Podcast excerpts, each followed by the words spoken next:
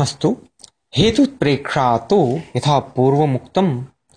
अहेतोः हेतुत्वेन सम्भावनम्।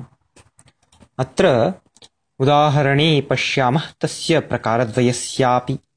रक्तौ तवाङ्घ्री मृदुलौ भुवि विक्षेपणाद्ध्रुवम् त्वन्मुखाभेच्छया नूनं पद्मैर्वैरायते शशी। इति। प्रथमोदाहरणं तु सिद्ध सिद्धविषयकहेतूत्प्रेक्षायाः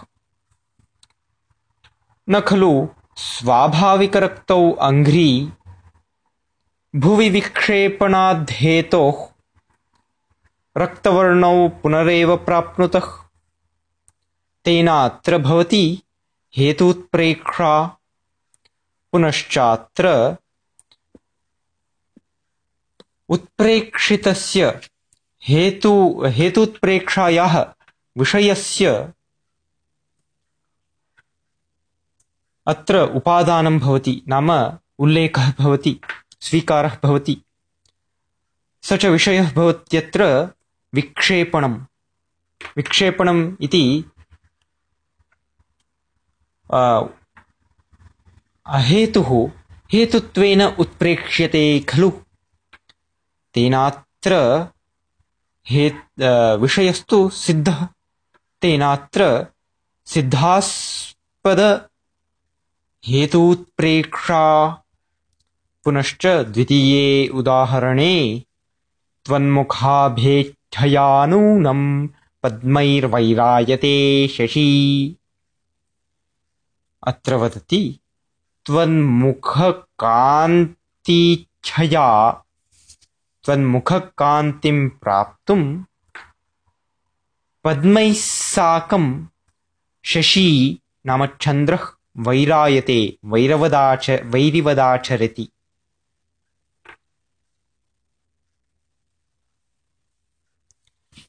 किञ्च अत्र हेतुप्रेक्षास्तीति तु स्पष्टम्। यतोहि प्रसिद्धं काव्यलोके शशिपद्मयोः मुखो मुखस्य वर्णने उपमानरूपेण स्वीकारः। अतः तत्र स्पर्धा भवति इति वयं स्वीकर्तुं शक्नुमः। तथा कृते सति तस्मादेव कारणात् तव मुखाभैच्छया मुखकान्तिप्राप्तेः कारणात् तयोर्वैरित्वम् इति इति खलु अहेतोः हेतुत्वेन सम्भावनं तेनात्रास्ति हेतुत्प्रेक्षा किञ्च न खलु वस्तुतः तत्र कस्याश्चिदपि मुखकान्तेः प्राप्तौ इच्छा पद्मानां वा शशिनो वा। तेन उत्प्रेक्षा हेतुत्प्रेक्षाविषय विषयः